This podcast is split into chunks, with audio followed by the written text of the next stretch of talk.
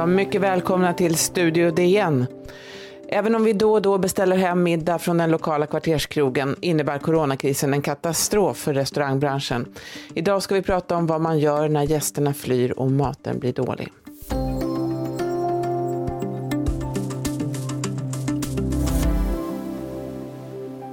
Ja, vad gör en kock med ett lager av jättedyr rysk störrom som verkligen inte håller sig ett par veckor när alla gästerna plötsligt bokar av? Just det visade sig snart vara ett mindre problem för ett krögarpar i Stockholm som fick sätta hela sitt livsprojekt på sparlåga. I dörren till restauranger runt om i landet kikar serveringspersonalen ut på gatan för att se om någon kanske vill komma in.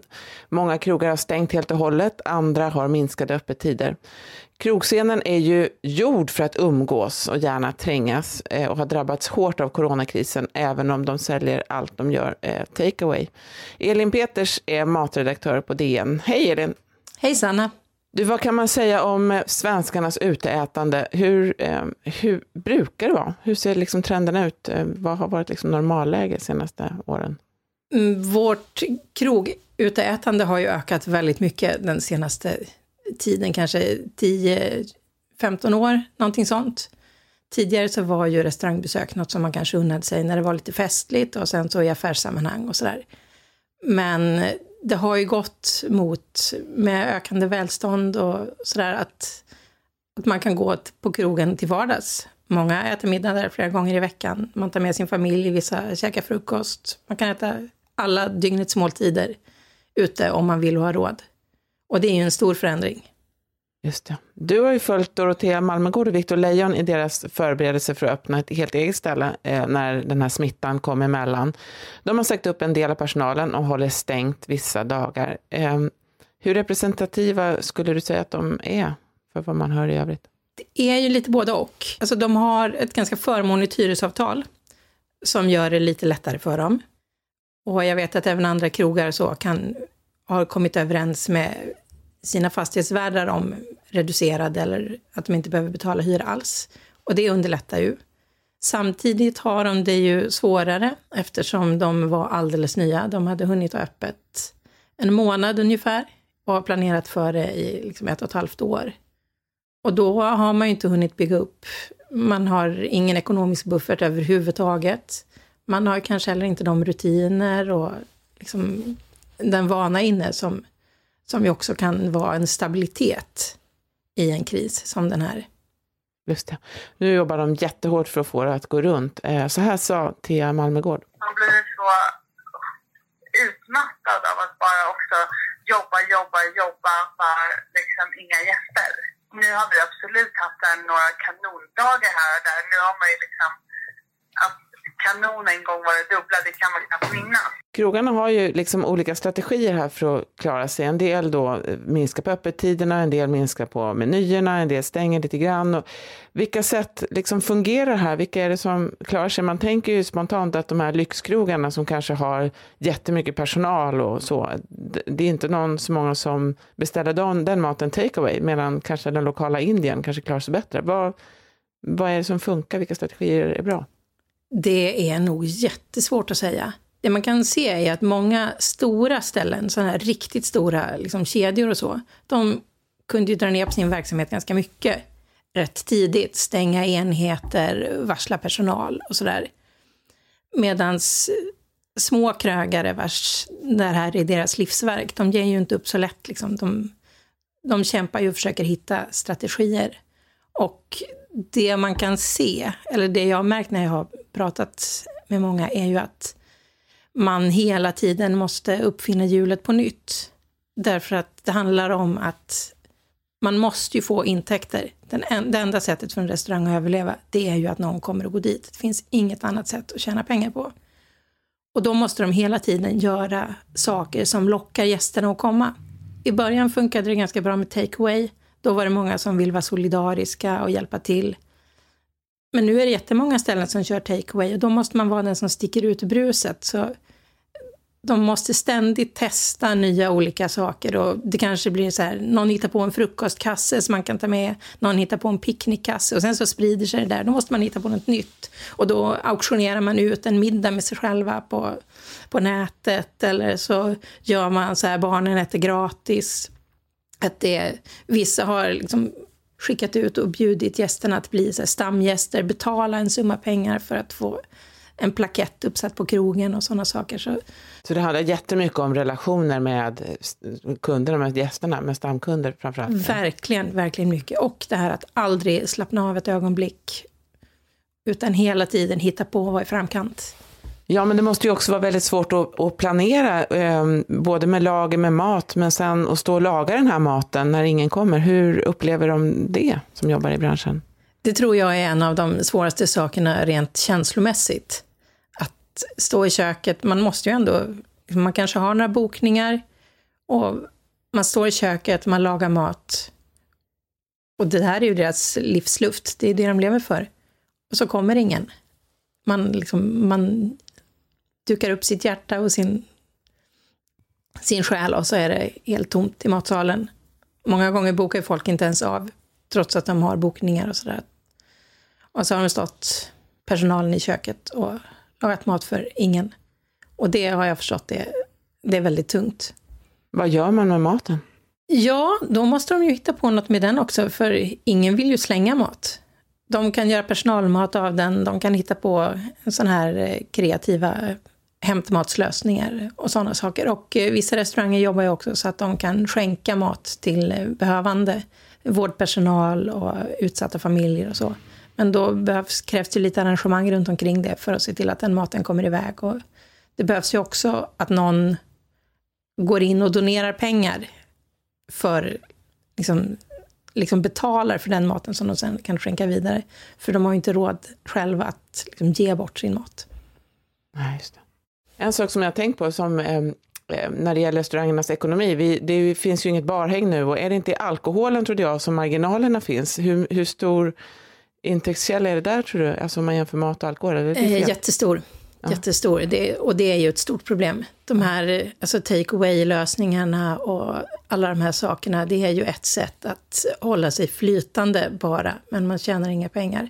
Hålla personalen låt se till så att de har någonting att göra, men det är ju inga pengar egentligen i det. Ja. När vi är tillbaka ska vi prata om hur hela branschen tar sig vidare.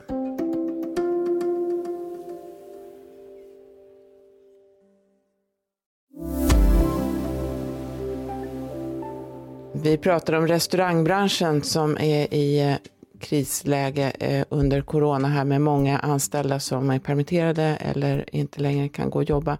Hur ser eh, branschen som helhet ut, Elin Peters, matredaktör på DN? Eh, vad har du fått, finns det några siffror eller vad säger facket? Vad, hur, vad pratar vi om här? Alltså det, de siffrorna som jag har kunnat se är att omsättningen enligt Visita, som är branschorganisationen, har ju sjunkit på restaurangerna med ungefär 70 procent det stämmer ganska väl också med de krögare som jag har pratat med, som uppger någonstans mellan 50 och 95. Det är väldigt olika beroende på vilken typ av restaurang man är. Och enligt andra uppgifter så har det ju försvunnit ungefär 30 000 jobb fram till mitten av april. Det är jättemycket. Hur ser vägen tillbaka ut tror de då? Vet de hur, vad, vad tänker de de kommande månaderna? Alla väntar ju på någon sorts besked det är den där väntan som är väldigt svår, att inte kunna planera framåt, inte veta hur sommaren ska se ut. Ska man ha stängt? Ska man ha öppet? Det funderar ju väldigt många på just nu. Och sen så tror jag att de, vad jag har förstått, så är de väldigt angelägna om att liksom behålla kvar sin personal. Även om personalen är den stora kostnaden för en restaurang, så har de ju investerat väldigt mycket i att lära upp just de personerna som de har. Och att de inte vill bara göra sig av med dem så att de försvinner ut på marknaden för någon annan att sno, utan alltså gärna, gärna liksom behålla dem på något sätt. Man känner ju ofta det när man är ute på särskilt mindre ställen, att det finns ett teamwork, att det känns som en, en väldigt, en väldigt sammansvetsad personal på många platser. Eh, Thea Malmegård berättar ju för dig också om en väldigt fin sammanhållning i branschen, också kollegor emellan. Så här sa hon. Relationen till andra restauranger och krögare, de tycker jag bara blir liksom finare och djupare. Och man får förklaga sig lite, men man får också stöd och lite push och hopp från varandra. Så det är jag bara glad över. Jag tror att det är liksom någonting, eh, på något sätt någon rörelse som inte kommer ta slut efter corona, utan vi kommer gå ur det här sen starkare tillsammans. Det verkar ju vara en väldigt, jag menar, en emotionellt sett en berg och dalbana för de här restaurangägarna, men också det verkar driva fram nya sätt att arbeta och kommunicera. Du har varit inne på en del. Vad tror du, vad kommer att hänga kvar, hänga kvar efteråt här? Förhoppningsvis så håller ju liksom samarbetet och sammanhållningen i restaurangbranschen kvar för deras skull. Och för oss som gäster så hoppas man ju att de här liksom kreativa idéerna också kan leva vidare och ge lite ny energi. Och eh, sen så har jag också pratat med en del som säger att de har lärt sig att värdesätta gästerna mer. Och det kan ju låta lite så här, som gäst blir man så här, men herregud, det borde de ju ha förstått innan. Men verkligheten för många av de här restaurangerna, åtminstone i Stockholm, som har gått bra, de har ju varit fullbokade i månader i förväg. Man har fått stå på väntelista och de har haft fullt jämt. Och de har ju då lite kunnat slappna av i att liksom, de alltid har gäster som kommer. Och när de plötsligt ser att det kan vända på, på liksom bara natt, då förstår de ju också hur viktiga, liksom ännu mer hur viktiga gästerna är i det här. Hur stor skulle du säga att skillnaden mellan Stockholm, sticker Stockholm ut väldigt mycket mot resten av landet eller, eller är det snarare storstadsområdena? Eh, Stockholm är ju väldigt speciellt i, när det handlar om krogscenen. Det finns väldigt mycket ställen här. Tänker du i restaurangkultur eller tänker ja, du i... Jag tänk, ja, jag tänker i, liksom i, ja, precis. Eh, ja, jag tror att storstadsområdena sticker ut väldigt mycket, både i hur, alltså hur mycket man går på krogen och hur mycket man är ute och liksom mängden av ställen och hur fullbokade de är och så. Just det. Vad tror du då? Vad kommer att hinna, hänga med när man tänker från, från gästernas synpunkt? Kommer vi att vilja trängas i en bar efter det här? Liksom, är det vad folk längtar efter mest av allt? Eller är det något man tycker nu, så här, men aldrig i livet? Eh, alltså, det man märker är ju suget efter relationer och få mötas. Och man kanske inte känner att man behöver trängas jättemycket på en bar, vad vet jag. Men att få äta med någon öga mot öga, det smäller ju så otroligt mycket högre än att ta så här hämtmat i en påse och äta vid sitt matbord. Kanske med de allra, allra närmaste som man är vana vid. Men liksom de här mötena och livet på restauranger och liksom den stora känslan. Det tror jag att det finns ett stort sug efter. Tror du att eh, Dorotea Malmegård och Victor Lejon och deras städer, kommer det, kommer det att klara sig? Vad krävs för att de, just de ska klara sig? Det krävs nog att det inte håller på för länge. Därför att man kan ju gå på sparlåga ett tag och kämpa och liksom hålla sig precis flytande. Men de kan ju inte hålla på så här i ett år. Nej. Utan det måste ta slut för om, om de ska klara sig.